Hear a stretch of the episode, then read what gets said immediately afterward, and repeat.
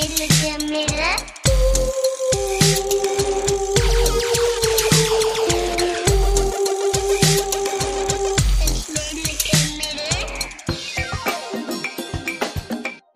Podcast. Welkom bij het Redelijke Midden, eh, de True Crime podcast waarin we wekelijks op zoek gaan naar aanwijzingen voor de brute moord op het klassenbewustzijn. Ik zit hier spreekwoordelijk met Thijs Kleinpaste. Thijs. Hallo, Ja. En Jaap ik Stronks. ben er. Ja. Ik ben er ook, ja. Ehm, wij, eh, Ik denk, dat de, ik denk persoonlijk dat de butler het heeft gedaan. het was altijd de butler. Hè? Iemand van de lagere stand is eh, alleen in staat om te moorden. ja, Eh, dit is dus precies waar we ons tegen te weerstellen. Hè? Dit, dit makkelijke slachtofferen van de arbeidersklasse als de, als de boeman. Ja, daarom gaan we het aan het eind ook nog hebben over Knives Out. Waar de butler eindelijk een keer eh, rechtvaardigheid krijgt. Ehm, En verder gaan we het hebben over eh, Iran. Wat verder? Oh ja, we gaan het nog even over wat ophef hebben in Nederland. En eh, we gaan op zoek naar de redelijke midden aan het eind. Maar we beginnen met feedback op onze eerste aflevering. Wat hebben we zoal gehoord, Ja. Jaap? Ehm, vooral, de, de teneur is vooral dat er dan behoefte is aan iets meer structuur. Ja.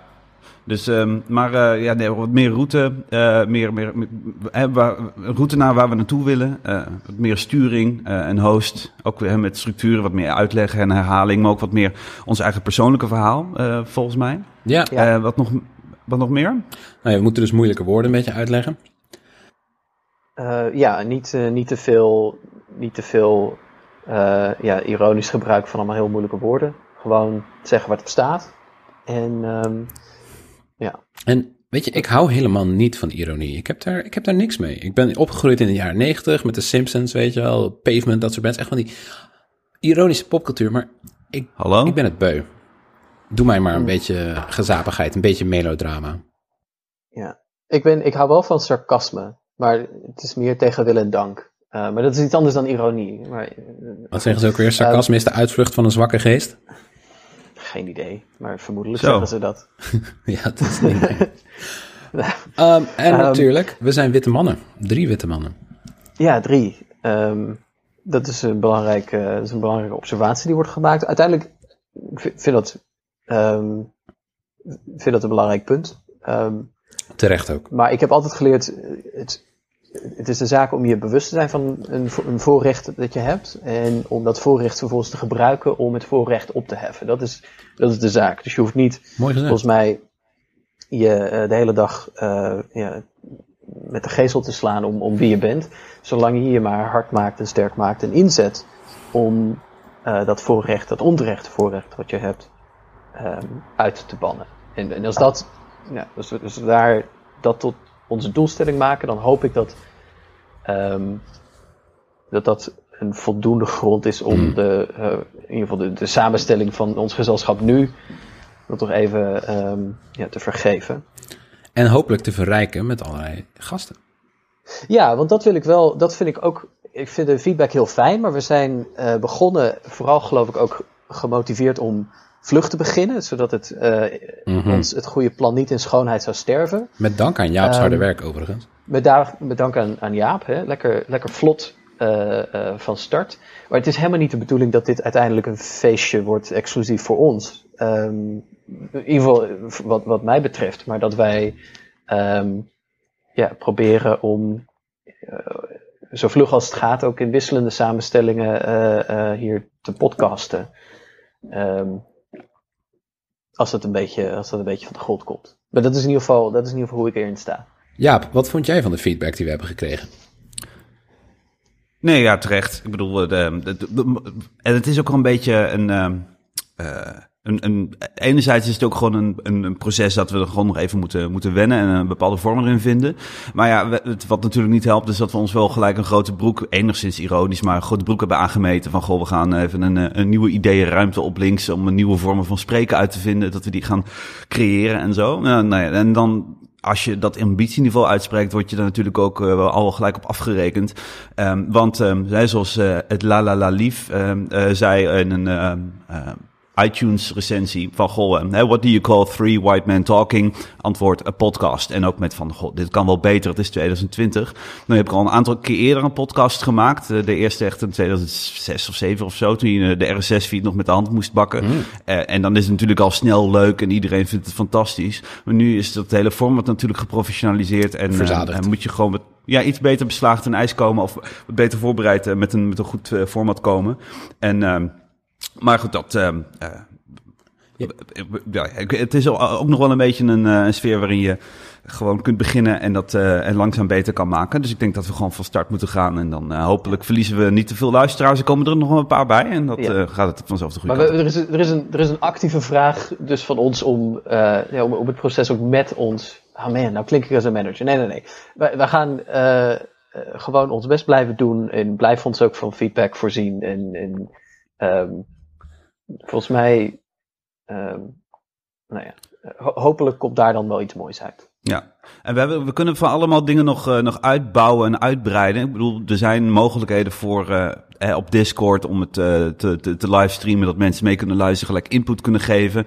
Of dat we sowieso een Discord kunnen gebruiken om een community om ons heen te bouwen. En, eh, of in ieder geval mensen die, die, die, die kunnen, kunnen aanhaken op diverse manieren en input leveren en, eh, en ook te gast kunnen komen. Ja, ik, Maar zie, dat, daar, eh, ik zie daar naar uit. Ja, dat lijkt me ook leuk. Dus dat eh, komt allemaal. Je kunt je ook gewoon melden. Hebben mensen zich ook al gedaan van... hey, ik zou wel een keer spreker willen zijn... als je het nog eens hier of hier of, eh, gaat over, over gaat hebben. Dus doe dat gerust. Ehm het redelijke midden gmail.com. We zijn mailbaar. Je kunt ons ook DM'en. En ehm, dan eh, komt het vanzelf goed. Het redelijke midden. Oké, volgende deel. Iran. Ehm, 2020 begon echt nou, vliegend. Zo'n beetje de slechtst mogelijke start die je kon krijgen van een nieuw jaar.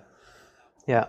Want eh, Thijs, Ehm, nou, de droneaanval op ehm, generaal Soleimani, ik weet niet of ik dat goed uitspreek. Suleiman van eh, Iran, eh, wat ehm, zo'n beetje de, voorz- zeg maar de, de hoogste baas van de Joint Chiefs samen is hier en, ehm, ja, verschillende, verschillende functies, officiële functies namens de staat bekleden.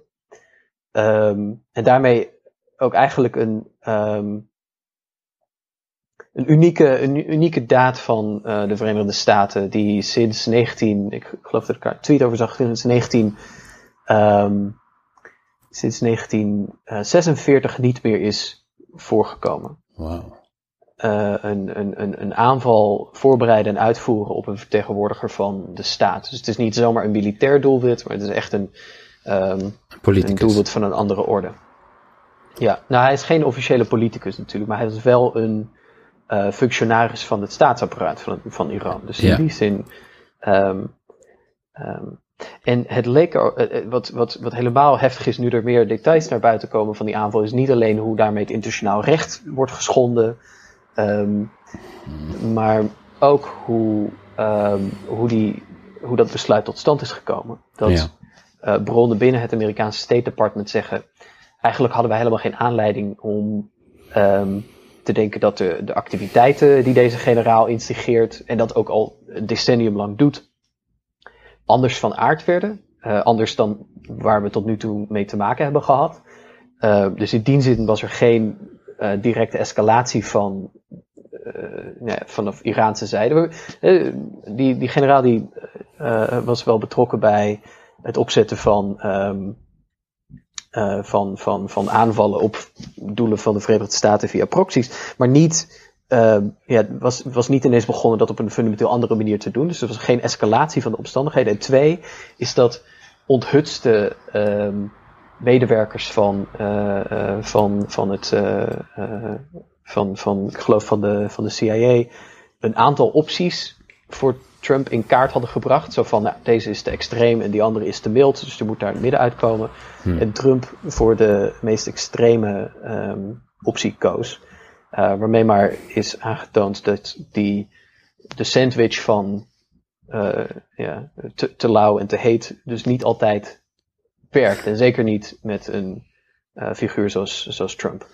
Nee. Maar ja, zelfs of het een grill is of een, een, een, daad met voorbedachte raden met betrekking tot uitbreiding van het Amerikaanse imperium of het verzekeren van een, uh, een herverkiezing van Trump, omdat een wartime president zogeheten altijd populairder is. Dat doet er niet echt toe, hè? Nee, het doet, ja, uiteindelijk doet het er niet toe, maar het is wel, um, het is wel veelzeggend over wat, um, op welke manier besluiten worden genomen zeg maar, aan de top van het Amerikaanse machtsapparaat. Um, en een van de meest opmerkelijke dingen. Nou ja, ik moet niet zeggen meest opmerkelijk, want dan bagatelliseer je misschien per ongeluk iets wat je niet wil bagatelliseren. Maar mm. een, van de, een van de verbijsterende dingen uit de afgelopen dagen is hoe met name de ja, mainstream media van, van maar de, de praatprogramma's en de talkshows en de nieuwsuitzendingen meteen in een soort modus schieten uh, om nou ja, de Verenigde Staten deze, deze data rechtvaardigen, maar ook over deze data spreken als ware het een gewone, um, gewone oorlogshandeling, um, die helemaal niet samenhangt met, met, de, ja, met de manier waarop Trump zijn, um, zijn regime aanstuurt. Ja. Um, en dat is, dat is, dat is verbijsterend. Zo zegt de, de manufacturing consent functie van de media een optima forma, om even Komsky bij de, met de haren erbij te slepen. Ja. ja, ja, ja. Ja, en, en meteen alle pathologieën ook van, van, ik ben denk ik net te jong om mij dat debat heel erg goed te herinneren, maar ik kan me wel daar iets van herinneren. Alle pathologieën over, als je niet voor ons bent, dan ben je tegen ons. Als je kritiek hebt op deze data, dan ben je zeker tegen Amerika. Je hebt het over 9-11 en de Tweede Golfoorlog. Ik heb het over de, ja, over de Irak-oorlog, de invasie in 2003. Um, ehm, waar ook uh, bijna in, waar ook in Overdrive, zeg maar, een, een, um, ja, een narratief de wereld in werd geholpen van if you're not with us, you're against us. Hè? Die, die beroemde zin van, van Bush. Yeah. Um, en die ook met zoveel gretigheid, echt angstaanjagende gretigheid, wordt nagepapagaaid. Niet alleen in de Verenigde Staten, maar ook in Nederland. Eh, dat ik ja, daar echt. Um, ja, ik weet niet zo goed wat ik daar nou op moet zeggen. Want misschien niet een. Uh, um, niet zo geschikt is voor een podcast. Nee, ik, Misschien hebben jullie daar iets over. Het, het viel mij ook op dat bijvoorbeeld uh, dat Mike Pence, uh, de uh, vice-president van, van Amerika, gewoon lukraak twitterde dat, ook met heel, heel veel onzorgvuldigheid, ehm, twitterde dat de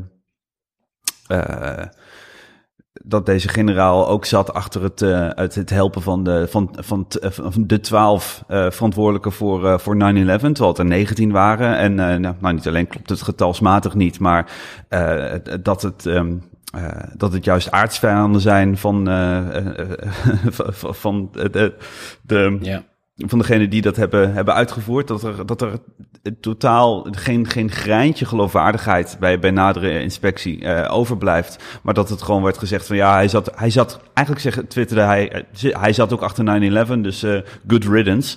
En nou ja, dat er, dat, ook dat, dat, komt recht uit de playbook van, uh, van post 9-11, waarbij de invasie in Irak werd gelegitimeerd natuurlijk.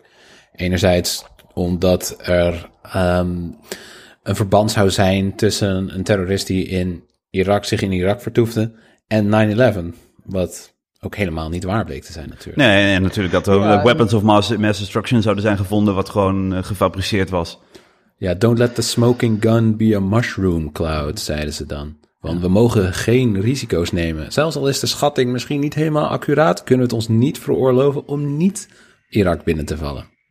Nou, en, en, en om daar nog even kort op voor te bouwen, want je ziet, je ziet echt exact hetzelfde, dezelfde redenering nu gemaakt worden.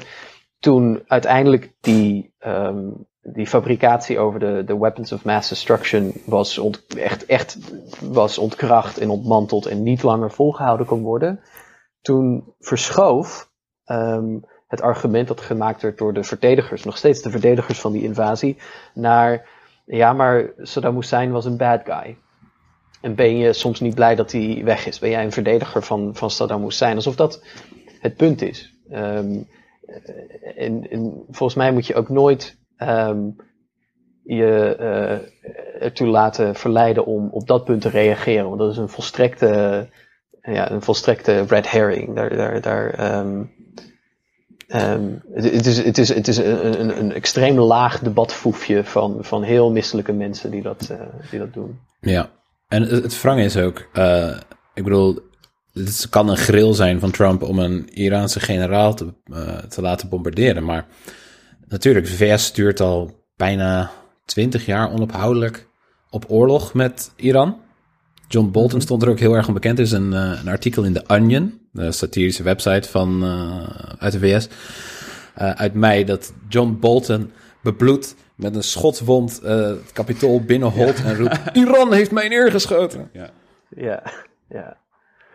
Ja. ehm, nou, in de Verenigde Staten, die dus zich unilateraal hebben teruggetrokken uit het atoomakkoord hè, eh, in 2018. Eenzijdig. Ehm, ja, ja, eenzijdig hebben teruggetrokken en de rest van de wereld die dan probeerde om dat akkoord nog eh, in stand te houden. Iran die daar ook aan meewerkte tot dus ehm, ja, letterlijk vandaag de dag van opname de aankondiging dat Iran zich ook terugtrekt.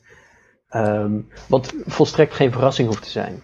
Uh, maar wel ook door ehm, sommige figuren in de media als bewijs wordt gezien dat Iran geen goede bedoelingen had. Eh, ik, ik weet niet hoe je dat soort uh, redeneringen voor jezelf precies kunt, kunt bolwerken. Maar het, lijkt mij een, uh, het, is, het is voor mij een uh, indrukwekkende en verbluffende vorm van acrobatiek. Maar ook een heel verwor, verdorven soort acrobatiek. Ja, ik denk dat het gepaard gaat, of een, een logisch gevolg is van dehumanisering.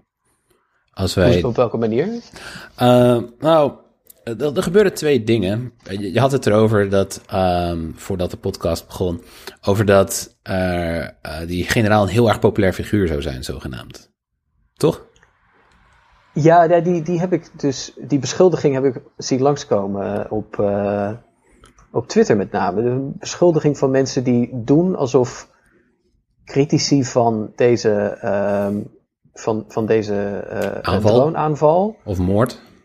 Of moord moord in feite, uh, zouden zeggen of zich zouden bedienen van een soort toegeeflijk of toeschietelijk of zelfs uh, ja, lofprijzende woorden over, over deze generaal. In Nederland, voor de duidelijkheid. Dus dat, dat ja, gewoon Nederland, Nederlandse ja. critici uh, loftuitingen zouden delen over, over deze generaal. Terwijl daar gewoon toch geen sprake van is. En het, het ja, gewoon absurd is dat er, dat er zonder veel omhaal dat wordt gepretendeerd. Ja, hij wordt afgeschilderd als een monster. Er wordt ook in de VS al uh, flink geboodschapt over dat uh, het Iraanse volk staat te springen om bevrijd te worden van het huidige bewind. En dat ze blij zijn dat deze generaal is omgelegd. Misschien is het goed ook om daarom ook op, op, op te focussen. Ook omdat de, de, de fallout van uh, van deze van, van de moord nog, hè, nog niet bekend is en er uh, iedere dag uh, ja. meer en meer gebeurt en wij ook moeilijk uh, natuurlijk vanuit onze positie daar veel zinnigs op kunnen zeggen, maar dat het inderdaad goed is om te bedenken om, om, om stil te staan bij de totale gebrek aan respect voor de waarheid waarin in ieder geval in het publieke debat in Nederland, daar, dat nu al de, de, daarmee wordt omgegaan. En dat is ook exemplarisch voor, nou ja, toch vooral de rechtse partijen, uh, hoe die ook hun buitenlandbeleid en ook hun migratiebeleid vormgeven. Om een klein, klein stapje te maken. Hè. De CDA heeft net een, uh, um, ook, ook in navolging eigenlijk uh, van de VVD gezegd dat ze het de komende jaar vooral over migratie gaan hebben. En, en, en dat 80.000 veel te veel is met immigranten. En uh, nou ja, daar gaat de een VVD-Kamerlid overheen met, uh, uh, met de opmerking van... nou, het zou goed zijn als de CDA specifieker zou zeggen dat... zich specifieker zou uitspreken voor opvang in de regio... in plaats van opvang in Nederland. Terwijl er al sprake is van opvang in de regio. De meeste mensen worden in, ja. in, in de regio opgevangen. Er wordt bijna niemand toegelaten. En, en dan zie je dat eigenlijk het, het frame dat alsof de uh, de grenzen wagenwijd open zouden staan voor alle uh, immigranten van allerlei origine. Uh, dat, dat, dat, dat frame wordt nog steeds ge gebruikt. En dat is, dat is vooral lastig, want dat is zo lastig ook een debat voeren of, of, of campagne voeren tegen, tegen dominante ja, machtspartijen die, mm -hmm. die geen enkel respect hebben voor voor de waarheid. Nog een, nog een voorbeeld ook. eh ehm, Thierry Baudet was bij Robert Jensen. Ik heb dat gewoon even af zitten, af zitten luisteren. Oh, nee, doe jezelf dat niet nee, aan, ja. Nee, maar dat is ook, ook heel grappig. Weet je wat hij zei? Ehm, nou, Robert Jensen vroeg van... ehm, hoe, hoe zit het nou eigenlijk? Hè? Die, die zei van... Rutte, die heeft gewoon de opdracht om nou ja, een beetje ons land uit te verkopen. En dan krijgt hij een promotie. Van achter de schermen wordt, hem, wordt dat allemaal bedisseld. Dat hij ons land uit zit te verkopen. En dan mag eh, naar Brussel zitten eh, te verschuiven. Eh, en hij hint eigenlijk op een soort eh, Joods, antisemitisch Joods complot. En, maar een Baudet gaat daar, die pakt dat over en zegt, ja, dat klopt. En je, ziet hem ook even zoeken van, oh, het is een beetje ongemakkelijk, want die Jensen, die, die praat onzin, maar ik, ik ga erin mee, want ik kan, ik kan er wel wat mee. Die heeft het dan over dat er een, een marxistisch complot achter zit, dat het, het, mensbeeld van, van het mar- marxisme, dat dat ehm, eh, eh, moet worden eh, verwezenlijkt. En dat daarom alle grenzen open moeten, omdat er dan een soort van utopische mensheid zal ontstaan. En het gaat gewoon, ik bedoel, ik bedoel een marxistisch complot dat, dat uiteindelijk achter de schermen eh, Rutte ehm, als een marionet bespeelt. Daar is gewoon geen touw aan vast te knopen. En- Nee, er zit ook eh, bij Baudet vaak een antisemitische lading aan verbonden met zijn, eh, zijn Soros-opmerkingen. Dat maakt het nog onwerkelijker en nog schadelijker natuurlijk. Ja, maar de vraag is dus ook van, hoe kunnen we daar, eh, hoe, hoe, ja, hoe kun je daar tegen wapenen? Is het want ik bedoel, ook ehm, fa- fact-checkers en zo, eh, ja, daar, los van hoe problematisch dat is te organiseren, als een, ehm, als er überhaupt geen respect is voor de waarheid, dan kun je moeilijk ook eh, mensen op leugens wijzen. Nou, eh, om dan even terug te cirkelen naar eh, Iran. Dus ik, ik las heel veel gefrustreerde tweets op Twitter over mensen die dan eh, hebben gedemonstreerd rond 2003 tegen Afghanistan, tegen Irak in de Verenigde Staten. En dat het geen effect had. En eh, dat bijvoorbeeld alle muzikanten, alle kunstenaars, die eh, stonden dezelfde kant op. En ik weet niet meer wie het schreef. Ik denk dat het Faulkner was. We hebben het dan over 50 jaar eerder. Van, het was alsof er een, een natte theedoek tegen een bakstenen muur gegooid werd. Uh, wat je kan doen is, ik bedoel, wat mij betreft, is, is elke deelname van onze overheid, elke vorm van steun aan een oorlog in Iran, in, in het Midden-Oosten, is onacceptabel. Ja. En er worden sowieso meer onaccepta onacceptabele dingen gedaan door onze overheid, zoals het migratiebeleid. Maar uh, i- uh, wat dan bijvoorbeeld de schrijver van uh, de Existential Comics, dat is een filosofische academische webstrip, die zegt: je kan één ding doen, en dat is een general strike. Oftewel gewoon dat het hele land plat gaat liggen. En anders uh, de overheid gewelddadig verstoten. Ja. Maar als je geen van die twee dingen doet, dan maakt het niet heel erg uit wat er gebeurt. Ik, ik moet toch zeggen, ik zie die laatste niet zo vlug gebeuren, want um, er, is een, er is een over de, ja, ja, uh, er is een uitspraak van Marx die niet echt door Marx is gedaan, maar aan hem wordt toegeschreven. En dat is dat je in Nederland geen revoluties hebt omdat je er niet over het gras mag lopen. Um, het, is niet, het is niet echt een land met een revolutionaire traditie, maar het is wel een land met een stakingstraditie. Juist. Uh, het is alleen zeer te betreuren dat de, uh, dat de vakbonden er zo uh, zwak voor staan. Um, en ook niet erg gedreven lijken, maar misschien, misschien kan ik dat vanaf deze afstand niet altijd even goed beoordelen, maar niet erg gedreven lijken tot een vorm van internationale solidariteit.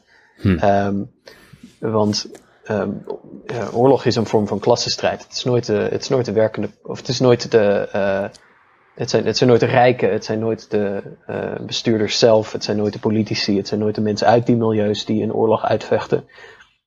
Het is altijd de arbeidersklasse. Ja. En een uh, oorlog moet uh, om, om, om talloze redenen. Uh, het menselijk leed dat het veroorzaakt, de burgerdoden, het onrecht dat het de wereld in helpt. Maar ook omdat het um, de arbeidersklasse de dood injaagt. In, in, in, in alle landen die in zo'n oorlog betrokken zijn. Van Ja. de agressor tot, uh, tot, het, uh, tot het land dat uh, ja, mogelijk binnengevallen wordt. Nog een reden om Dat- Fortunate Son te luisteren. Ga verder. Ja. Nou, ik wilde even terug naar, naar die vraag van ja, hoe, hoe moet je daar nou je tegen wapenen in het debat? Maar volgens mij is iemand die liegt over de meest basale feiten. Iemand die zich van stroommannen bedient, zoals van ah, links die uh, is, uh, is helemaal weg van die, van die Iraanse generaal. Wat is het toch een grote held voor links. Zo iemand is niet geïnteresseerd in, het, in debat of discussie. Iemand die geïnteresseerd is in debat of discussie, die committeert zich aan een, uh, een aantal impliciete gesprekregels op basis waarvan een gesprek mogelijk wordt. We kunnen van mening verschillen over de interpretatie van feiten of hoe feiten politiek betekenis krijgen. Ja. Dat is prima. Je kunt, um, maar als je je bedient van complottheorieën en van stroommannen, zoals gewoon de uh, uh, standaardhouding op dit moment is in, uh, in rechts-Nederland. Het is volstrekt van alle werkelijkheid losgezongen. Die mensen hebben een fantasiewereld voor zichzelf ja. geschapen. Um, Linkse NPO, klaver, infiltreert overheid, dat soort ja, dingen. Een heel geborneerde en, en, en, en verwrongen fantasiewereld, maar het is een volstrekte fantasiewereld. En die leven in die fantasiewereld. En volgens mij moet je niet je uh, illusies maken dat je met die mensen in debat kunt. Dat nee. kan niet. Nee, maar ze dat is leven misschien ook in een, een wereld van leugens. Ja, maar, dat is ook, maar dan, dan is het misschien zinvol om de vraag te stellen: what's in it for them? En uh, daar had ik een. Um, nog iets uh, interessants over gehoord, ook in de podcast uh, van Chapo Trap House, een van onze lichtende voorbeelden. Is namelijk ook um, dat, nou ja, het, het, het meegaan in het, in het verhaal van, van, van, van nieuw rechts en van fascisme is, um, is, een, is dan het, het, het, ultieme, wat het oplevert is dat het een soort troostprijs is. Als je geen daadwerkelijke zinvolle verandering en verbetering van je levensomstandigheden kunt, kunt krijgen. En dat ook niet erin gelooft dat je dat kan krijgen. Dan is, zeg maar, um, owning the libs is dan een soort troostprijs. Ja, ze, ze lijden net als wij onder kapitalisme. Alleen. Ja, dus, maar dat is, kijk, het is wel altijd een, een, um, een, echt maar een troostprijs. Je hebt er namelijk niet zo heel gek veel aan. Um, maar uh, het, het, dat is, ja, het, um, je, je, je kunt je er in ieder geval uh, lekker een, een, een gedragen als een klootzak. Dan zeggen we, flikker allemaal maar op. Ik, uh, ik ga gewoon lekker, ook het sentiment van ik ga gewoon lekker diesel rijden en, uh, en het, het, zal mijn tijd wel duren. Um, uh, het afgeven op klaver. Het is een soort van, het is, kijk, de houdbaarheid van al die schijnoplossingen is natuurlijk heel beperkt, omdat het schijnoplossingen zijn. En, um, maar om, omdat er uiteindelijk niks, niks achter zit en ook uh, het, het, het, het volhouden van die, van die manier van leven uh, ook niet, houd, niet, niet houdbaar is. Omdat uh, klimaatverandering, die, de, de gevolgen ervan, die uh, ja. dienen zich ook natuurlijk ook pregnanter, steeds, steeds duidelijker aan. Ja. Um, het is ook, nou ja, het, het wordt duidelijk dat je gewoon. Dat, dat, het, het is natuurlijk aan links om een, wel een helder, een, een, een beter alternatief, een, een goed, goed verteld verhaal te presenteren. Maar, en dat, en ook een, maar ook een, een, een beweging te creëren. Een, een linkse, progressieve, populistische beweging. die uiteindelijk zorgt voor, uh, voor progressieve verandering. Want dat, dat, dat, dat is uiteindelijk een. Uh, een, een, een, beter alternatief dan uh, jezelf um, een, een oor laten aannaaien door uh, populistische praatjes van, ja. uh, van, van radicaal rechts. Dus word lid van een vakbond, Thijs, wat jij uh, net aanbevolen. Ja, word lid, word lid van een vakbond. Um, of um, um, ga vrijwilligerswerk doen in je wijk, maar organiseer jezelf. Creëer gemeenschap. Ja. Creëer ja. gemeenschap. Ik wil, ik wil wel nog opmerken, want ik ben het, het, het, zeg maar het, het, de bevrediging van de korte termijn owning the libs is misschien een, een motief dat, dat men, men heeft. Maar er zit iets in het hart van het nationalisme. En dat is een, dat is een ideaalbeeld over hoe het volk zich zou moeten gedragen. En aan de hand van dat ideaalbeeld over hoe het zich gedraagt en wat voor opvattingen heeft, dus ook wat voor een politieke en maatschappelijke uitkomsten dat ideaal volk eigenlijk vanzelfsprekend uh, uh, tot stand brengt. Mm -hmm. En uh, alles wat daartegen indruist, hè, omdat mensen bijvoorbeeld gewoon gebruik maken van hun eigen persoonlijke vrijheid om hun leven lekker te leiden zoals zij dat graag willen, wordt door nationalisten opgevat als een teken van een soort groot en gruwelijk maatschappelijk verval. En nationalisme is dus altijd een ideologie die op zoek is naar interne vijanden.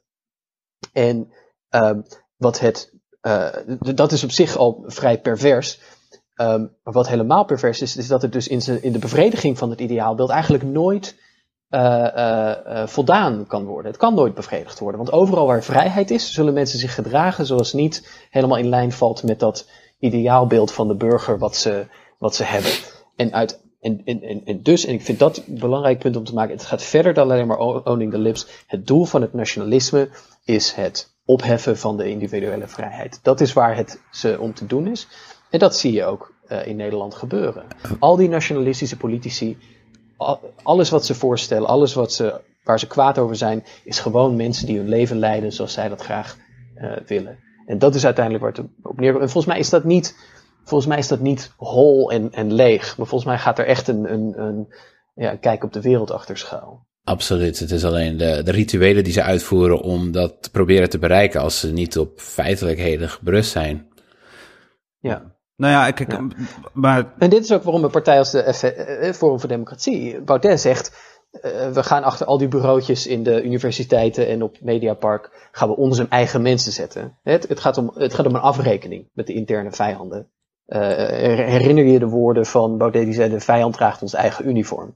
Uh, het, gaat, het, is, het is dat essentiële verraad. En, en, en, en, de, en de diepe, diepe behoefte en het grote verlangen om mensen zodanig te controleren en te conditioneren dat ze dus hun vrijheid zijn kwijtgeraakt. Um, ja, maar waar ik het meeste energie wil steken, is eigenlijk niet in het analyseren van hoe onze politieke tegenpolen zo succesvol zijn in hun mobiliseren, maar dat we zelf uh, tijd en energie gaan steken in hoe kunnen wij het doen?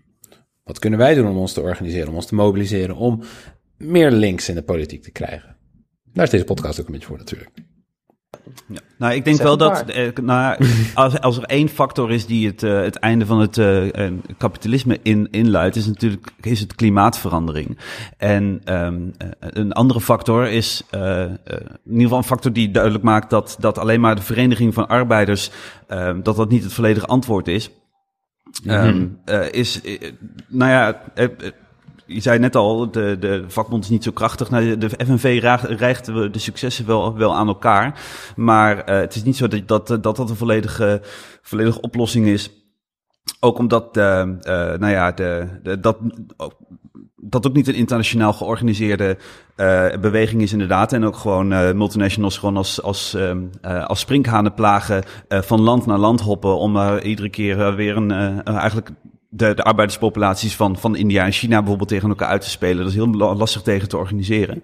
Maar wat je bijvoorbeeld wel ziet is dat um, uh, bijvoorbeeld Extinction Rebe Rebellion, eh, dat de, het, de, het, het eco-activisme, dat dat uh, dat daar, dat daar zit een energie en ook een ideologie die ook dus uh, breder is dan alleen maar de organisatie van arbeiders, maar dat dat wel als component in zich kan dragen. En ja. dat ook, uh, maar dat je ook ziet dat, dat FNV aan het, aan het bijvoorbeeld in Nederland aan het vernieuwen is met, uh, met Young United en met de, de strijd voor, voor een hoger minimumloon en ook in bepaalde sectoren successen verbindt. En dus ik denk dat je de vernieuwingsbewegingen in het vakbondswezen, gecombineerd met nieuwe gedecentrale activismevormen zoals Extinction Rebellion, wat ook een soort van uh, erfgenaam is ook weer van de Occupy-beweging, met ook, die ook uh, nieuwe, uh, eigenlijk interne decentrale democratie en organisatievormen heeft geïntroduceerd. Ook duidelijk geïnspireerd op hoe, hoe mensen zich op internet manifesteren met hele decentrale netwerken in plaats van traditionele organisaties met een hoofdkantoor ergens in Bussum en een, um, en traditionele en, en, mensen die daar in vaste dienst zijn. Dus nieuwe organisatie. Net als, uh, net als Occupy eigenlijk. Ja, precies. Kijk, je ziet ook Extinction Rebellion heeft ook zo'n hele platte organisatie. In, in elk land, op het moment dat je uh, bepaalde principes onderschrijft en het logo gebruikt, mag je jezelf gewoon Extinction Rebellion noemen. Je hoeft geen uh, toestemming te krijgen om een, een, iets te organiseren vanaf onder, die, onder die vlag.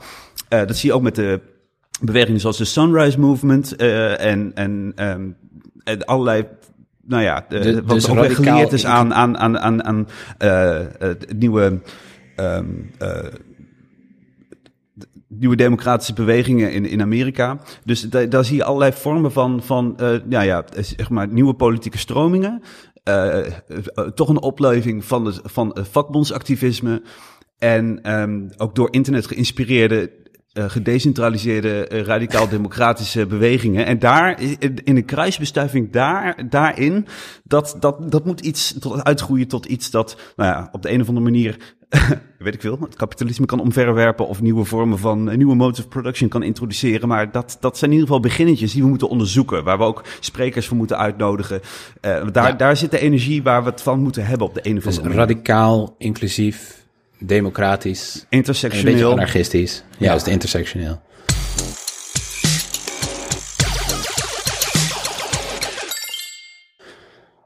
Wat is het kapitalisme? Ja. Ja, dat... Uh... nee, maar ik bedoel dat het omvergeworpen moet worden, begrijp ik. Maar wat is het uh, kapitalisme? Wat is het kapitalisme in Nederland? Nee, ik, je kunt natuurlijk hele, beginnen met de tekstboekdefinities, maar de, uh, om te beginnen is het, uh, ik bedoel, het, het, aandeelhouderskapitalisme is, is al een heel concreet een, een, een probleem, omdat het gericht is op, op groei. Uh, dat je, dat op de noodzaak van, van groei om, om die VC's, om die, om die investeerders dividenden uit te blijven keren. ik bedoel, het, begon natuurlijk veel, veel langer geleden. Maar je ziet het gewoon even, als je het heel concreet neemt, uh, bekijkt, dat is bijvoorbeeld, de, want de, de, de laatste golf van, van hyperkapitalisme. Uh, in, in, de, in, de tech, in de technologiewereld, omdat je, uh, je kunt de, de factor arbeid steeds verder, je kunt steeds meer dingen automatiseren en platforms creëren. En uh, net doen alsof je geen mensen in dienst hebt en dat het allemaal maar freelancers zijn, zoals, zoals Uber en zo doen.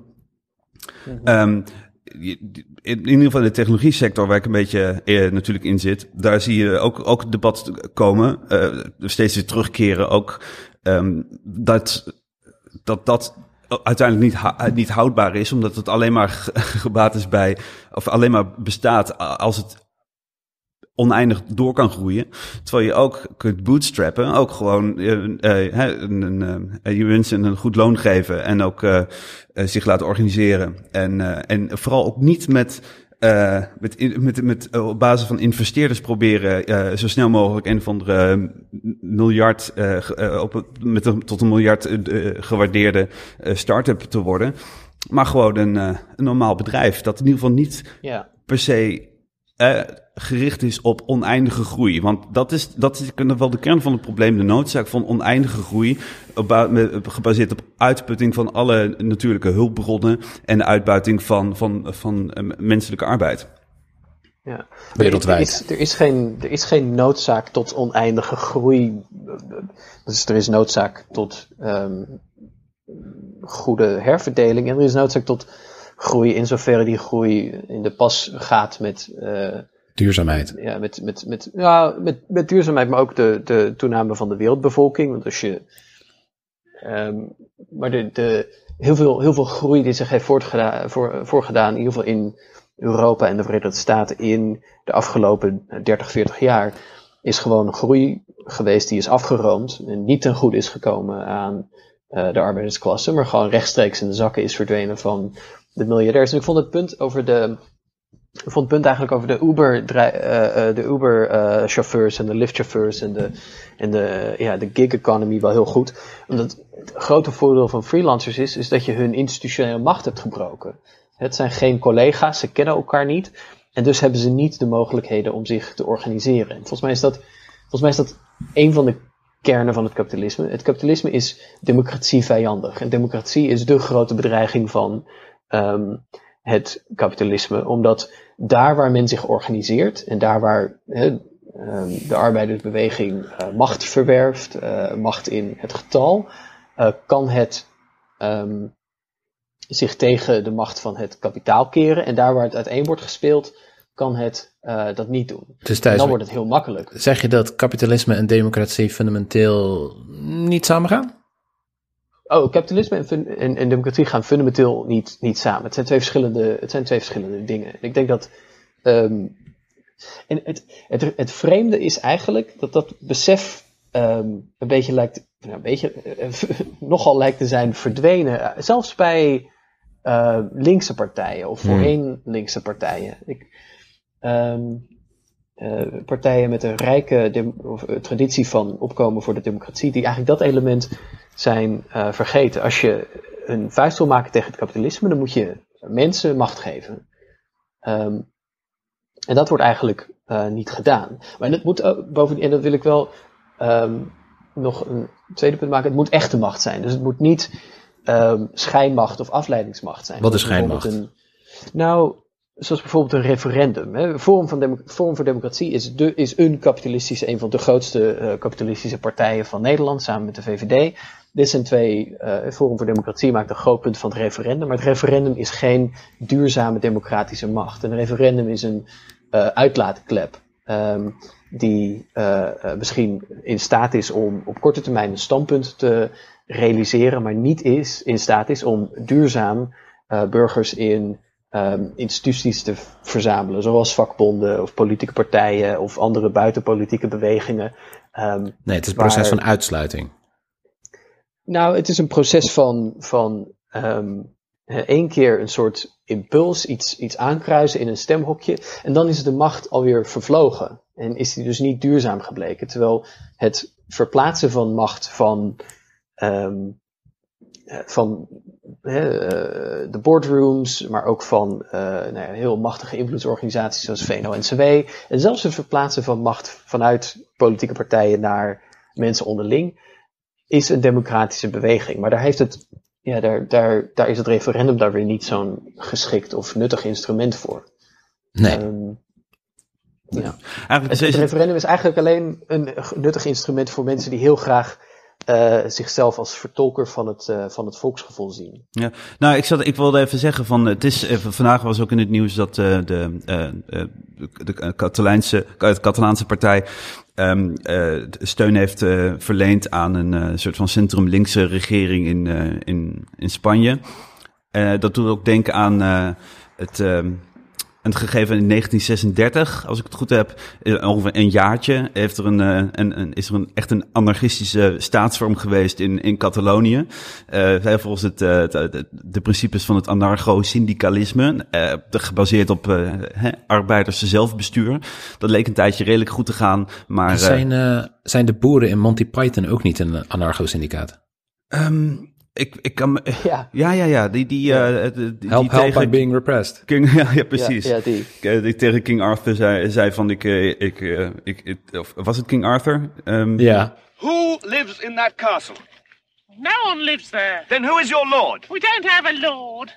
What? I told you, we're an anarcho-syndicalist commune. We take it in turns to act as a sort of executive officer for the week. Yes. But all the decisions of that officer have to be ratified at a special bi-weekly meeting. Yes, I see. By a simple majority in the case of purely internal affairs. Be quiet. But by a two-thirds majority in the case of more Be quiet. I order you to be quiet. Order? Who does he think he is? I'm your king. Well, I didn't vote for you. Maar ga verder, sorry.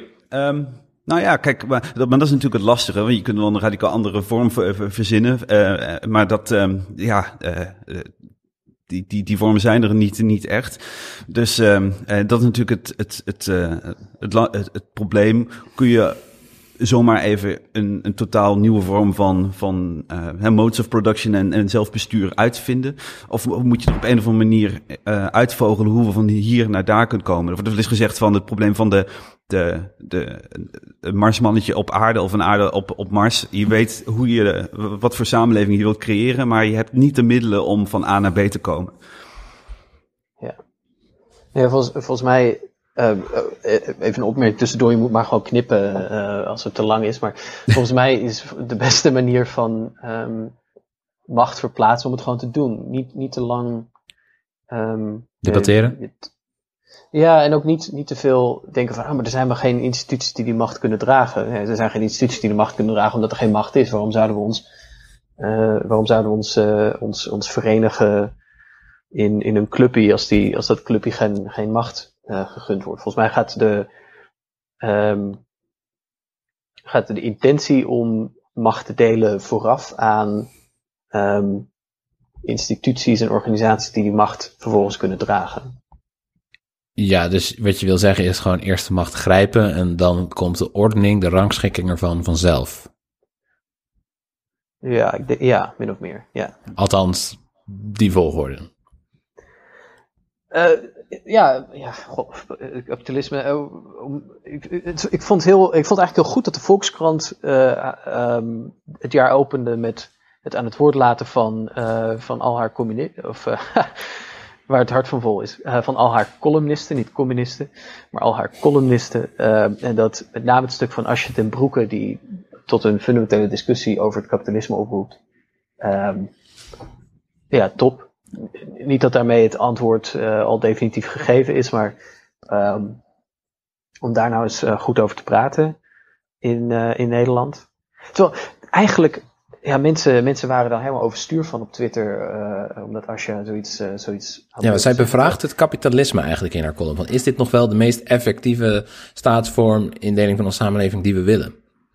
Terwijl je toch op een bepaalde manier zou kunnen zeggen dat het hele het poldermodel, de overleg-economie en al dat soort dingen, zijn in feite eh, niet kapitalistische vormen van het organiseren van je samenleving. Ik, ik, ik ben niet rouwig om het einde van de zuilensamenleving. En het poldermodel heeft al zijn eigen eh pathologieën, die, al zijn eigen ziektes en al zijn eigen tekortkomingen die niet, ehm, die niet houdbaar zijn. Maar anticapitalistisch zijn is in Nederland zo doorsnee als het CDA in feite. Het is, het is pas in de afgelopen paar decennia, twee, misschien drie, dat er een soort eh, vereenzelviging is ontstaan in de hoofden van mensen van democratie met kapitalisme. Dat de ene niet zonder de ander kan bestaan. En dat is onzin. Maar ja, op het moment dat je afstapt van, eh, van kapitalisme, zeggen mensen al gelijk... Nee, wil je dan naar Noord-Korea? Of Stalin? En het is niet altijd even, even productief. Ja. Nou, het is eigenlijk heel fijn als mensen dat zeggen, want dan hebben ze eh, zelf al te kennen gegeven dat je ze niet serieus hoeft te nemen. Ze geven het eigenlijk al aan. Praat niet met mij. Exact. Het redelijke midden. Hoe eh, zijn jullie eigenlijk links geworden? Nou, als ik voor mezelf mag spreken. ehm, kijk, ik was natuurlijk al redelijk links, maar in mijn studententijd dacht ik dat ik, eh, dat ik al links was, maar ehm, dat was meer een. ehm, eh, ik, was nog niet zo. eh, niet ge- geradicaliseerd, zoals we dat nu zelf zeggen. Ik bedoel, ik stemde PvdA of GroenLinks. En ik, ik werkte ook voor de PvdA. Ik heb in 2010 en 2012 de campagne, eh werd ik ingehuurd om de online campagne voor eh, Cohen en Samsung te doen. En ehm, dat veranderde in 2015, want toen begon ik eh, de- voor GroenLinks te werken. Dan gingen we de, de campagnesite voor 2016, de eh, Tweede Kamerverkiezingen maken. En ehm, ik heb ook even Goodreads eh, erop nageslagen, die site waar je kunt bijhouden welke boeken je leest. En toen ehm, ging ik, eh, toen heb ik behoorlijk veel boeken gelezen, van die luisterboeken. En eh, via Audible dan heb je zo'n abonnement en dan moet je ook gelijk twee credits per maand krijg je dan. En die eh, is dan zonde om dat niet te gebruiken. Dus ben ik als een gek, heb ik even een tijdje geen podcast geluisterd, maar vooral boeken geluisterd en ook wel wat, wat, wat gelezen. En ik, eh, het was een vrij ontluisterende ehm, Ja, wat voor boeken? consta- constatering. Nou ja, het, viel uiteen in twee kampen. Ik heb ze even op een rijtje gezet. En het is ten eerste echt een verzameling van de meest eh tenenkrommende, eh echt een tenenkrommende verzameling van, ehm, nou ja, het boek, eh de boeken van, van Steven Pinker, How the Mind Works. daar Zelfs een boek van Peter, van Peter Thiel, weet je wel, de, de Mhm. meest enge, eh eh hyperkapitalistische fascisten die eh, in Silicon Valley eh, rondlopen. Ja, was hij nou die Eh, diegene die eh, Gawker heeft weggepest? Ja, ja, precies. Die gewoon puur out of spite heeft hij gewoon met de rechtszaken gewoon die hele, dat hele media-imperium gewoon kapot geprocedeerd. Ja. Ehm, even kijken. En die zit natuurlijk achter, ach, hoe heet dat bedrijf ook alweer? Dat, dat nu alle, alle enge te- technologie ehm, eh, maakt voor het Amerikaanse leger. Ehm, nou, dat zoeken we even op. Palantir? Ja, bij- precies. Palantir. Palantir. Oh, dat ding uit, Palantir. eh, uit Lord of the Ja. Rings. Maar ook, ehm, eh, even kijken, eh, Elon Musk Inventing the Future, weet je, zo'n zo, zo'n hagiografie van, eh, van Nee. eh, Elon Musk, heel erg. Zelfs ook Sam Harris, Waking Up, A Guide to Spirituality Without Religion. Dat is echt zo'n, dat is zeg maar de, zo'n nieuw atheism gast, die eigenlijk achteraf, zag ik dan pas gewoon een, een, een eerste klas islamofoob is. Het, wordt nog, het wordt zelfs nog erger. Money Master the Game van Anthony Robbins. Die is vorige, oh, vorige week in het, eh, eh, ook in het nieuws gekomen, omdat hij ook een, een serial molester bleek. En eh, misschien wel de kers op deze taart van, ehm, van, van ontzettende kutboeken The Churchill Fuck Factor door Boris Motherfucking Johnson. Oh, zeg maar dat zo- het niet zo- zo is.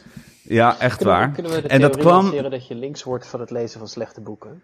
Nee, want het is, eh, daar word je hooguit eerder eh, gewoon rechts van. Maar Ja, ik- ik- libertarische was allemaal- is dit.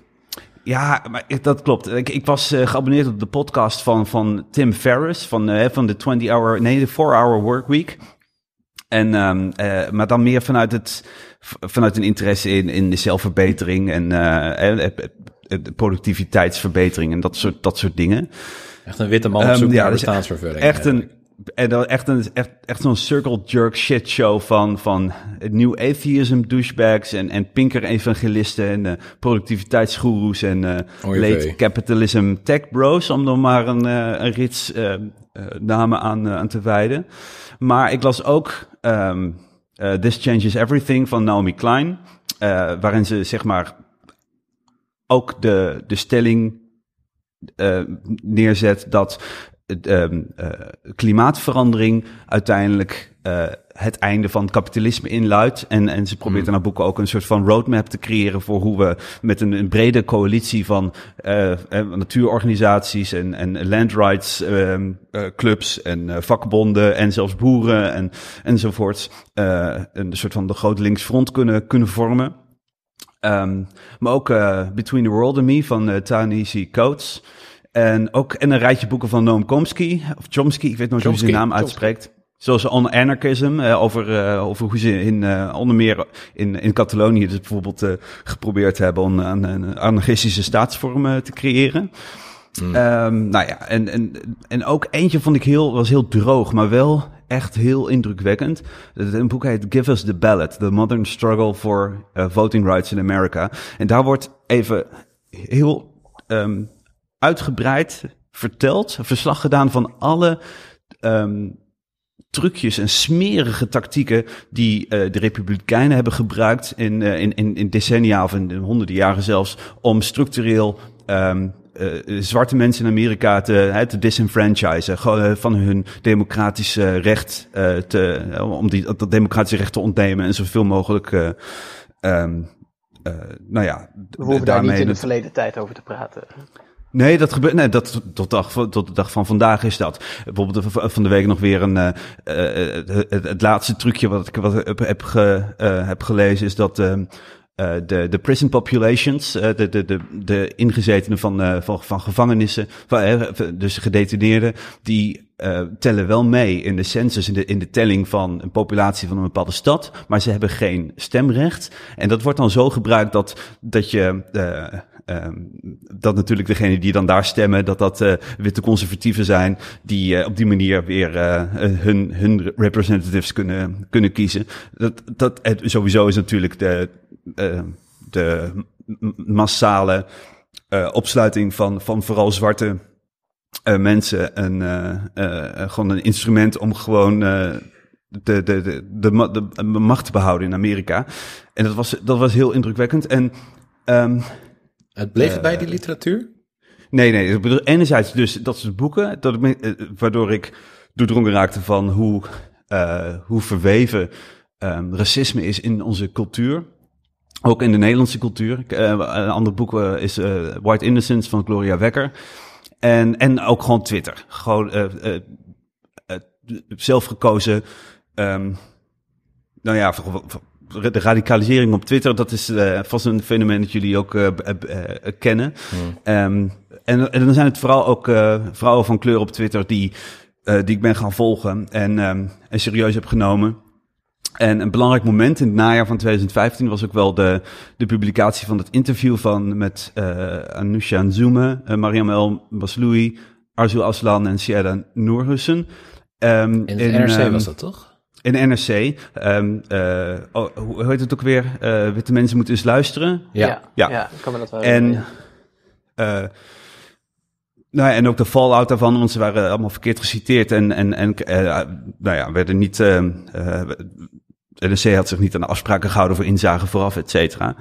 Ehm, nou ja, en je ziet ook een beetje voor mij is dat toch een soort van. Ook, is ook eh, met name Arzu Aslan wordt door eh, veel, ook veel eh, witte linkse progressieve mensen op Twitter. eh, nou ja, eigenlijk uitgekotst. Zo van de. de eh, terwijl ik, ja, mijn, mijn regel op Twitter is eigenlijk van. als, je, als er gedoe is met Arzu, moet je naar luisteren, want ze heeft eigenlijk gewoon altijd gelijk. Ehm, en het is ook, een vind ik ook een goede graadmeter van de mensen die. die ehm, ja, nou weet je wat het is? Mensen zoals zij en ook bijvoorbeeld Ed Disruptia, eh, zij, die, die, die nemen gewoon geen shit. Eh, die hebben gewoon geen, geen eh, ehm, die hebben ook geen, terecht ook, geen, geen geduld om het, eh, om, om, om met de fragiele ego's van, van met name witte mannen t- eh, te dealen.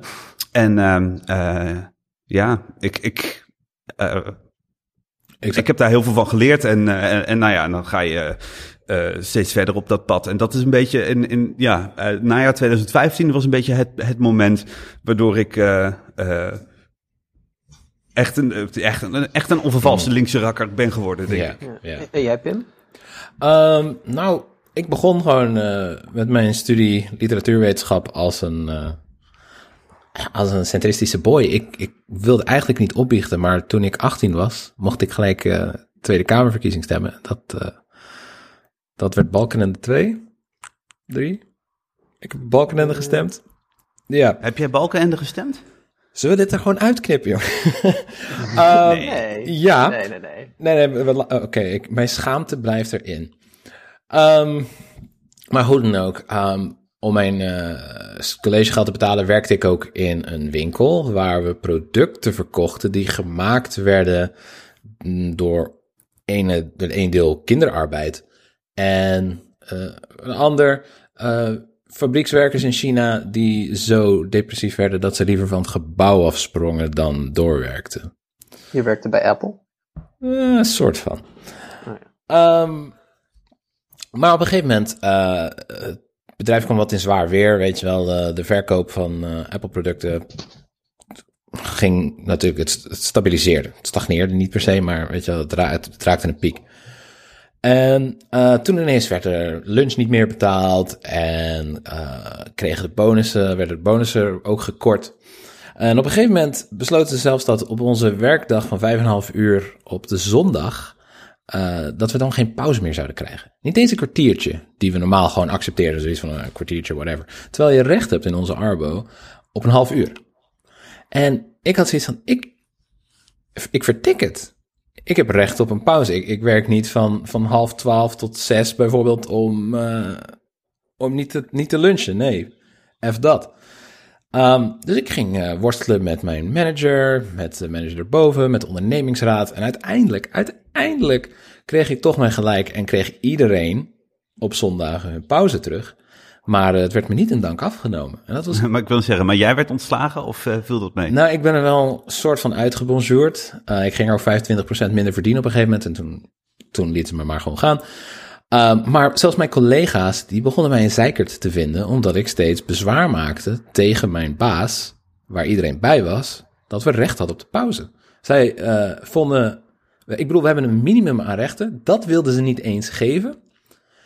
En mijn collega's die vonden dat allemaal prima. We hadden iets van 12 tot 15 vestigingen. En daar werkten tientallen mensen ieder. En ik was de enige blijkbaar, de enige die eh, een punt maakte van het feit van... hey, we hebben recht op een pauze, waarom zouden we er niet genoeg mee nemen? Dat is bizar. Uh, maar dat was een, een, een vrij uh, ingrijpende gebeurtenis in mijn leven. Ik bedoel, om gewoon ver, vervreemd te worden, een beetje een paria te worden, omdat je opkomt voor je rechten. Dat is heel gek. En uh, op de universiteit struikelde ik per abuis eigenlijk uh, een minor postkoloniale theorie in. Uh, ik begon gewoon met een vak en ik dacht, oh, dit is leuk. En toen nam ik nog een vak en toen was ik ineens halverwege de minor. En dat gaf me echt de, de theoretische handvaten om te zien hoe macht werkt. En uh, inderdaad ook racisme. Uh, alle vormen van onderdrukking, met name een koloniaal systeem en alle maar ja, manieren van onderdrukking en geweld die daarbij betrokken zijn. Um, en mijn docenten, dat waren dus meestal vrouwen, vrouwen van kleur. Um, ik moest ook ineens, raakte ik in aanraking dus met, met meer vrouwelijke klasgenoten, met non-binaire klasgenoten. En dat was, eh, was echt eye-opener. Dat was, oh, het, sta je van, verstel, ineens schaam je je voor hoe bekromp je je hele leven doorgaat. Nog steeds eigenlijk. Ik bedoel, ik, ik, ik misgender nog steeds de alledaags eh, non-binaire mens. En dat is, eh, dat is moeilijk, maar ja, je kan, je kan niet meer terug. Eigenlijk. En die, die postkoloniale vakken, waarbij je eigenlijk dus kijkt naar ehm, oude teksten en hoe die omgaan met het koloniale systeem. En ook theoretici zoals Stuart Hall, Gayatri Spivak, Homi Bhabha, Frans Fanon, Bell Hooks, dat soort, eh, dat soort mensen die allemaal tegen het systeem schrijven, als het ware. Tegen de status quo en tegen het geweld dat wordt eh, uitgevoerd op hele grote schaal tegen een land van herkomst. En Ja. ook het land van, eh, van verblijf. We moeten even een lijstje met boeken maken op onze website, denk ik. Dus, eh, Oeh, ja, maar ik, ik neem liever, liever tips aan. Eh, nou ja, het kan een soort open... eh, open maar we hebben ook weer onze luisteraars vragen of zij eh, misschien suggesties hebben. ja, ik wil ook Ehm, graag uitgeverij zo- Chaos tippen wat dat betreft. Uitgeverij Ja. Chaos, die doet dat heel mooi. Ja. Ik vind het nog soort- ook nog een open idee, open idee van wat we misschien nog kunnen uitvoeren om een boekenclub te beginnen. Maar dan moeten we eerst even een soort van eh kwantumkorting regelen bij een uitgever die eh, wat ervoor zorgt dat, ook, eh, dat we allemaal voor een euro een, eh, een e-book krijgen van Verso Books of zo. Maar dat is misschien nog iets om in de toekomst eh, te doen. Ik denk ook dat zij Ik vind het wel weten mooi- Ja? Oh nee, sorry Pim, ik onderbrak jou. Nee, ik wilde eigenlijk. Ik denk dat die uitgevers ook wel willen weten hoe Thijs geradicaliseerd is. Maar eh, Ja, nee, ik, vind, ik, vind het wel- ik vind dat het leuk en interessant om te horen van mensen hoe ze dan tot zeg maar, hun de- denken van nu zijn gekomen. Voor mij is het een. ehm, ik ben eigenlijk eerst ontlinkst en toen weer verlinkst, denk ik. Ehm, Hmm. En ik was al. Ik was op de middelbare school juist al een heel boze middelbare scholier. En ook wel, ook wel links. Eh, ik ben in 2004 heb ik in het najaar deelgenomen aan eh, de grote keer het tijdemonstratie in Amsterdam. Toen was ik, was ik 15. En eh, met, met vrienden uit Apeldoorn. En ik, ik moet. En ik ben eigenlijk tijdens mijn studententijd een beetje ontlinkst. Omdat ik lid was geworden van D66 en daar heel actief werd. Ehm, en eh, daar op een gegeven moment eh, ja, weer niet ehm, bij, betrokken, betrokken was. Maar het is vooral denk ik een beetje dat ik, dat zolang ik me kan herinneren in ieder geval, in die periode, is links in een, in een crisis geweest. Eh, ik kreeg voor mijn, ehm, ik kreeg van een vriend destijds voor mijn eindexamen een, boekje cadeau. En eh, dat was een Apeldoornse vriend, Bas heette die. En die had in dat, dat boekje was een verzameling columns van ja, toen columnisten en mensen die zich wel eens hoorden in het publieke debat met de vraag: wat is links? En Mhm. dat, was, dat was echt zo'n boekje van net na, eh, net na Fortuin. Links in crisis, men wist niet wat links was, waar links voor stond. En mijn, mijn vriend van toen had in het voorwoord geschreven van nou, lieve Thijs, wat is links? Nou ja, volgens mij zijn wij dat wel. Maar mocht je het ooit vergeten, dan is hier een boekje. En ik ben het geloof ik wel vergeten, maar ook vanuit, ja, toch wel in een context van, van ja, ja, we wisten ook niet zo goed wat links, wat links was en zo. En, en er was voortdurend debat over. En met name leek het toen heel erg een, het was toen heel erg een trend op links om te zeggen, ja. eigenlijk moet links gewoon zo worden zoals rechts, want we moeten ook eh, tegen immigratie zijn, we moeten hard zijn over de multiculturele samenleving, we moeten ook islamkritiek doen, al dat soort dingen. Dat was de teneur. En ehm, ik heb denk ik, ja, zelf, waarom ben ik nou bij D66 gegaan? Ehm, Zoals de memes zeggen, D66 is kut lemau.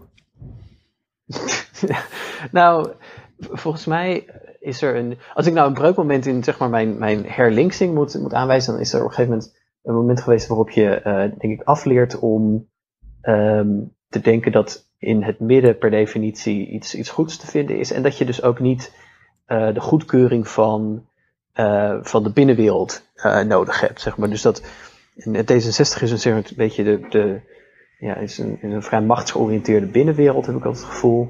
Die ehm, vooral heel erg ehm, aan respectability politics doet. En respectabel en, en, en verstandig en genuanceerd gevonden wil worden. Ehm, en volgens mij als je een beetje van die eh, neiging afstapt. En eh, nadenkt over wat vind ik echt. Wat vind ik van fundamenteel belang? Wat voor een wereld zou ik willen leven?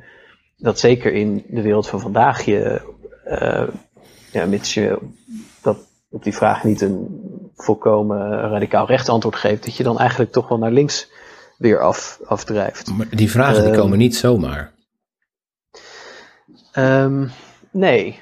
nee, die komen niet zomaar. Ehm, maar ik denk, ik denk dat ik op een gegeven moment weer leerde dat mijn, zeg maar, dat die elementaire verontwaardiging over de wereld, die ik als middelbare scholier voelde, dat die elementaire woede oké was. Hm. En dat je, dat je wel in- eh, moet investeren in goed nadenken en in eh, eh, je, argument, ehm, je argumenten ontwikkelen. Dus je, je moet wel werk doen om die boosheid productief te maken. Maar dat volgens mij verontwaardigd zijn op de wereld of boos zijn op de wereld een heel gezonde, heel gezonde basishouding is. Als je dat een beetje in goede banen probeert te leiden. Ja. En ik, was, ik, ik, vind, ik vond Jaap's antwoord wel interessant over het lezen van al die boeken. Omdat ik in ieder geval bij mezelf heb ontdekt dat het herlezen van sommige boeken. en er dan achter komen dat er ja, toch iets, nog veel meer in stond dan je aanvankelijk dacht. eh, mij ook heel erg heeft geholpen. Dus ik heb echt boeken herlezen. Ehm, nou, ik ben. eh, ja, wordt, wordt wel heel gedetailleerd nou, maar. Ik ben een groot, ben een groot liefhebber, was ik tijdens de studententijd van het werk van Isaiah Berlin, eh, Britse, Brits-Russische ideehistoricus, waar ik ook onderzoek naar doe overigens hier aan de universiteit. Hm.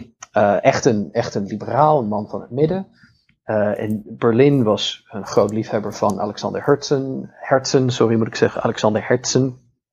Ehm, en ik had Herzen wel gelezen. En dacht ik, ja, dat is goed, interessant, een mooi pleidooi voor skepsis.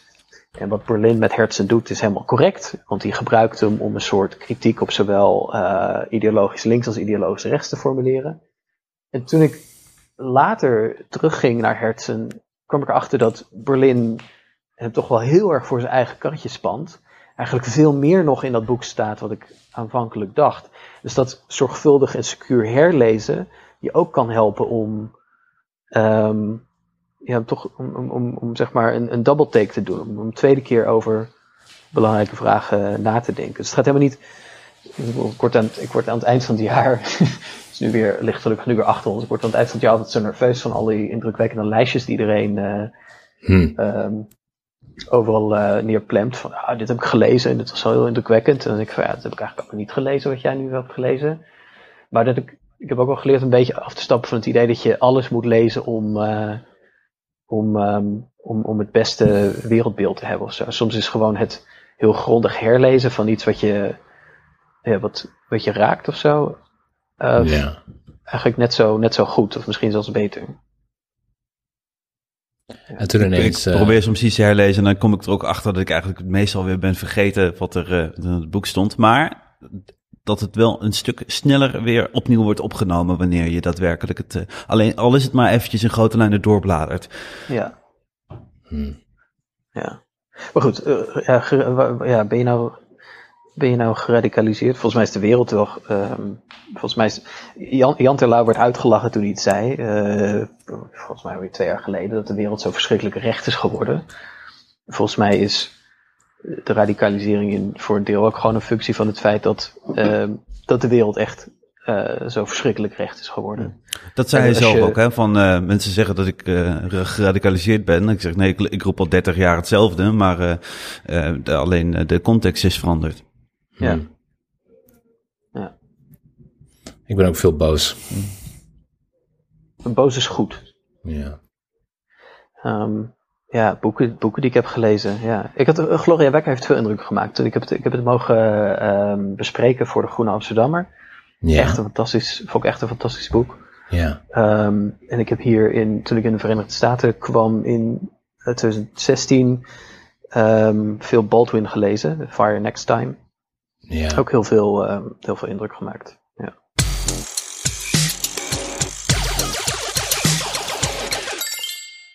Thijs, heb jij Knives Out in de bios gezien?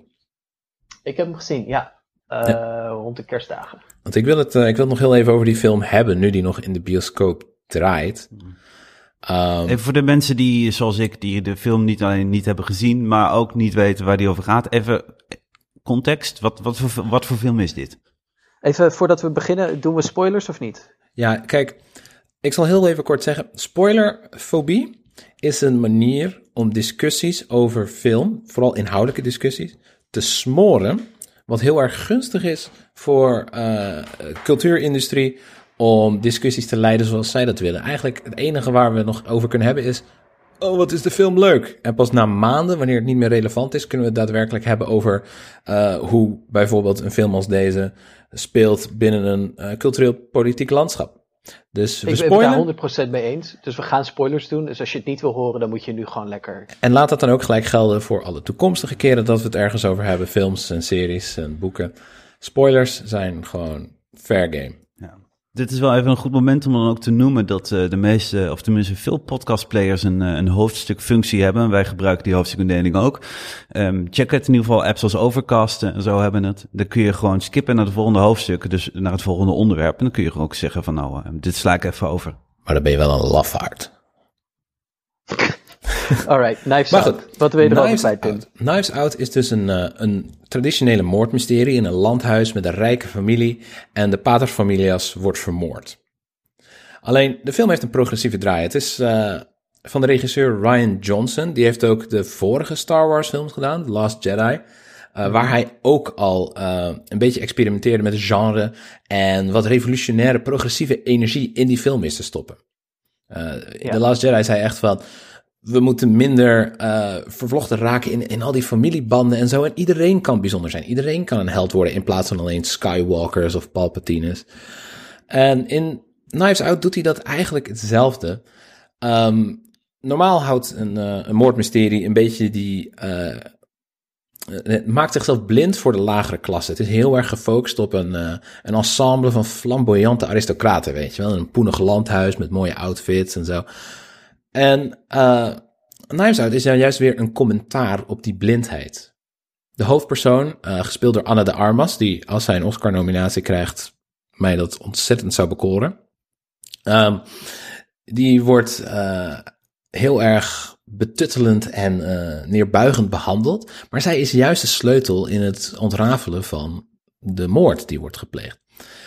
En uh, daarmee maakt Ryan Johnson in de film echt een, een, commentaar op de xenofobie van die rijke witte Amerikanen. En zij zijn dan ook eigenlijk stand-in voor het land zelf. En hoe blind zij zijn voor de prachtige diversiteit die het land rijk is. En waarvan we zeggen, of waarvan ze zeggen dat het uh, zogenaamd op gevestigd is. Ja. En daarmee, daarmee doet het me ook denken aan, uh, aan Gosford Park. Ook een ontzettende aanbeveling van een film. Geregisseerd door Robert Altman. Komt uit 2001. Is ook de film waar uh, Downton Abbey op gebaseerd is. Dat is een rechtstreekse spin-off van die film. En dat speelt ah, okay. zich ook af in een Brits landhuis. En uh, daar wordt ook de paterfamilias vermoord. Maar daar leven de bediening leeft letterlijk in de lagere uh, verdieping van het huis, half onder de grond. Zij zijn, zij zijn figuurlijk en letterlijk de lage klasse. En ook weer daar is de blindheid voor die. Uh, voor van, de blindheid van de aristocratie voor de bediening de sleutel in de film. En dat, dat creëert echt een, een, een hele mooie genreomkering, waardoor je ineens een, een scherp klassencommentaar krijgt. Alleen Knives Out is daar nog iets progressiever, want die uh, doet er ook een, een wat inclusievere boodschap in. En wat intersectionelere blik. Maar sorry, ja. uh, Thijs, wat jij? Ja, ik, ik, ik, vond, ik vond het een fabelachtige film en, en echt een prachtig, uh, bijna een, een, soort pastiche op een Agatha Christie uh, film. Ja. Met, met een onvergetelijk, met een onvergetelijk faux zuidelijk accent door Daniel Craig, die de hoofdrol, de, de, de, zeg maar de, de, de privédetective die is ingehuurd speelt. echt, echt fantastisch. Wat, um, wat ik, wat ik echt een van de sleutelmomenten vond, is uh, dat um, Daniel Craig op een gegeven moment zegt van oké, okay, het nazi-kind zat dus te masturberen op de play. En, want er is, er is dus een, een, een kind, een, een, een kereltje, het is, um, en die is een alt-right troll. Dus die uh, plaatst de hele dag uh, uh, beledigende berichten op Twitter. En die, ja, met zijn smartphone. met zijn smartphone, dus die is de hele tijd zeg maar aan het trollen en zo. Gewoon echt een naar klootkind. Um, waar dan op het moment dat die ontknoping zeg maar dicht naderbij komt en ook gaat blijken dat um, hè, eh, de, de kaarten wel eens eh, in het voordeel kunnen, kunnen geschud worden van, eh, van, van de verzorger van eh, de paterfamilie als die is overleden. Eigenlijk al die zogenaamd beleefde eh, familieleden toch enorm hard het masker afvalt. ehm, en ze verschrikkelijk racistisch en, eh, en badinerend en kleinerend uit de hoek komen. Ja. Waar, waar, waar, waar echt een, een, een, een, een, keihard, denk ik, eh, eh, commentaar wordt geleverd op de eh, Amerikaanse samenleving als zodanig. Dat als je je eh, afvraagt waar al die alt-right eh, jongens van zeg maar tussen de 18 en de 30 eh, toch in de afgelopen jaren vandaan zijn gekomen. Nou, dat zijn gewoon de uitvergrote versies van de eh stiekeme opvattingen van hun ouders. Ja, ja, ja. En, ja. van de en van de klasse, hè, de, de ehm, bevoorrechte middenklasse in de suburbs waar ze zijn, waar ze zijn opgegroeid. Ehm, ik, vond, ik vond dat legendarisch. En de manier waarop de film daarmee speelt, is, eh, is, is groot. Ja. Ja, het doet me denken aan een uitspraak in het, eh, het Hoge Nest van Roxane van Ypres. Dat eh, de, go- het gooi relatief gezien de meeste NSB'ers had. ja. ja. Verbaasd. Wist, ik niet. Ja, daar daar stond ik ook van te kijken, maar het is volkomen logisch eigenlijk. Nou, ik denk meer in algemene zin, er is een soort, er is een heel hardnekkig misverstand over eh, wie, ehm, wat voor soort mensen dat soort sympathieën hebben. Ja, Eh, er wordt vaak verondersteld of gedaan alsof, het, eh, alsof de aanhang van de fascisten en de nazi's allemaal tokkies en de lagere klasse ja waren. arm en onopgeleid. terwijl arm en onopgeleid, terwijl ehm, de achterban van fascistische en fascistoïde, fascistoïde partijen ehm, eigenlijk altijd de middenklasse, eh, voor een heel, heel groot deel middenklasse zijn. Veel groter dan eh, historisch linkse partijen. Ehm, het eh, historische fascisme is een middenklasse ideologie. Ja. Die weliswaar zich heeft getooid met ehm, sommige symbolen van ehm, arbeidersklassebewegingen, revolutionaire symboliek in de jaren 20, 30. Ehm, maar zoals hè, de definitie van, eh, van Antonio Gramsci luisterde, het fascisme is de mobilisatie van het volk zonder de economische en de kapitalistische structuur in gevaar te brengen. En dat is het, dat is het exact. Dus het presenteert zich als een massabeweging, maar het is in feite een, eh, ja, een beweging ter bescherming van de belangen van eh, de middenstand. En wat dat betreft doet eh, Ryan Johnson, die is daar best wel eerlijk over in zijn film. Ja, ja, die is daar volstrekt eerlijk over. Dus wat, ik, wat ik kan, ik kan, ik kan hem alleen maar aanbevelen. Het is, het is misschien een moordmysterie, maar het is geen enge film. Het is, hij is hilarisch en scherp en, en, en lief. Dus ik Heel ga hem kijken. Ja. ja, met een onvergetelijk eindshot. Je moet het echt zien. Het redelijke midden. Nou, dan zijn, we, dan zijn we denk ik aangekomen bij het allerlaatste item. Eh, wat is het redelijke midden? Wat is het redelijke, midden van deze week, Jaap? Eh, Het redelijke midden van deze week is de voorgestelde halvering van de veestapel. Die eh, de handen nu op elkaar eh weet te krijgen. Ehm, Jesse Klaver aanvaardt de hem eh, toebedeelde rol van de aardsvijand der agrariërs. En nadat hij de vijfde diamant op zijn gouden handschoen heeft aangebracht, bezoekt hij elke boerderij om hoogstpersoonlijk de helft van alle veedieren in stof te doen opgaan. Dat eh, lijkt mij heerlijk. Ehm, tenminste, is het humaan?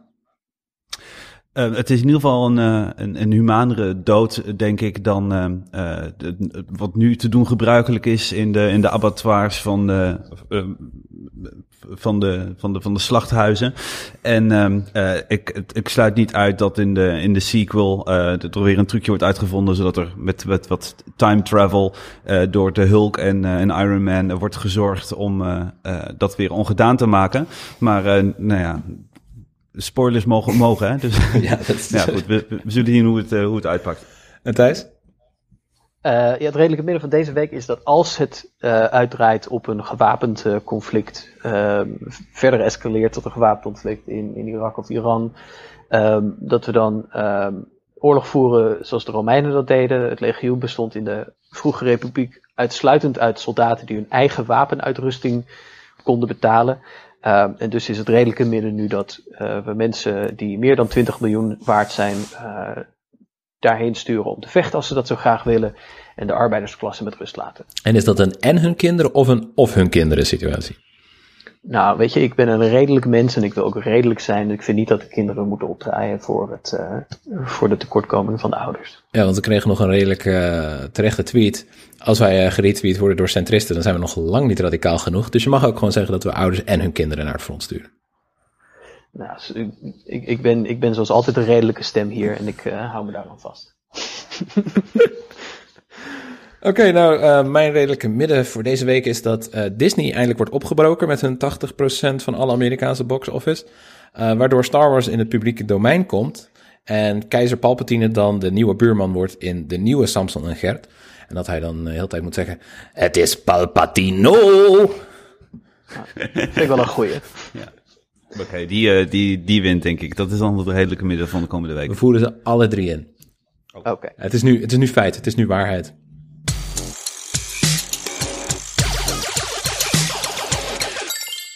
Je kunt je abonneren, dat heb je waarschijnlijk al gedaan. Uh, doe dat uh, gerust ook in iTunes. Je kunt ratings, af, uh, ratings afgeven. Vijf sterretjes, vier sterretjes, drie sterretjes. We zijn blij met vijf, maar wees vooral, wees vooral eerlijk. Um, we zijn te mailen op het redelijke midden gmail.com. We zijn te volgen op het bvdpim, het kleinpastentijs en het Jaap. En natuurlijk het redelijke midden, zonder het, want dat paste er niet bij op, op, op, op de Twitters. Dat zijn de belangrijkste dingen. En natuurlijk de website waar je ook de show notes vindt en, en ex, extra dingen. hetredelijkemidden.nl. Dat was het. Tot de volgende keer. Doei doeg. Hoi.